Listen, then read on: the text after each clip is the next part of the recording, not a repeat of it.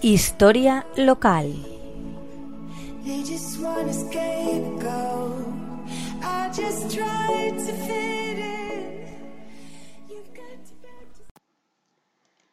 Buenos días, amigos de la Tegua Radio. Hoy, día 8 de junio, Azorín hubiera cumplido 147 años. Nuestro ilustre paisano que nos dejó un 2 de marzo de 1967. Azorín es la gloria de Monóvar, es el referente por el que nuestro pueblo se conoce allende las fronteras. Nos ha dado fama universal y sus escritos son como el vino añejo, que con el tiempo saben mejor. Es, en definitiva, un clásico.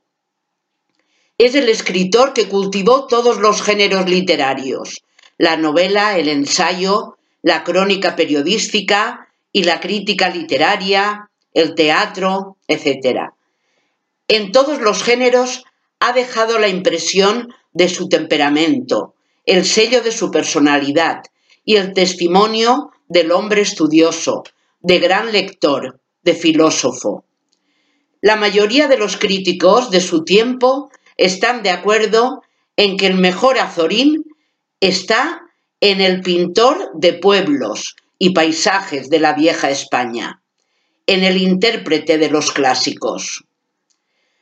Su gran preocupación fue el tiempo, el tiempo que se escapa, que se va, la fugacidad de todas las cosas. Como diría, os digo que esta idea de que siempre es tarde es la idea fundamental de mi vida. Su gran amigo, Pío Baroja, le rindió homenaje llamándolo un maestro del lenguaje. Su prosa perfecta y sencilla, muy bien trabajada, rica en imágenes, en sugerencias, una prosa de lentas descripciones del detalle, de las pequeñas cosas, de lo íntimo, de lo delicado. Una prosa que no en vano contribuyó a renovar el estilo y los temas de las letras hispanas. Como homenaje, vamos a recordar sus palabras del prólogo de sus memorias inmemoriales. Dice así, para el escritor, la realidad es ineluctable.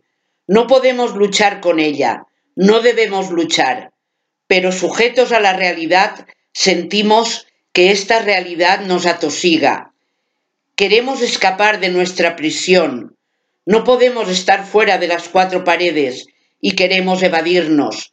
Sentimos ansia de escaparnos. Aunque la voluntad no fuera esa, todo el mundo, en el universo, en el cosmos, nos impulsaría a la fuga.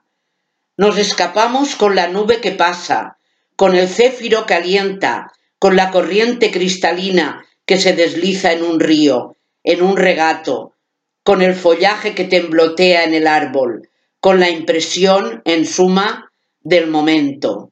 Y no podemos traicionar ese momento.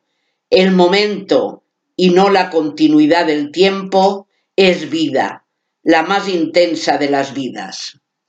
Pues hasta aquí, amigos, nuestro pequeño homenaje al maestro, a nuestro querido paisano.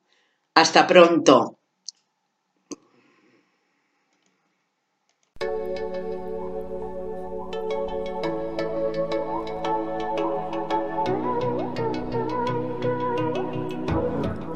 Historia local.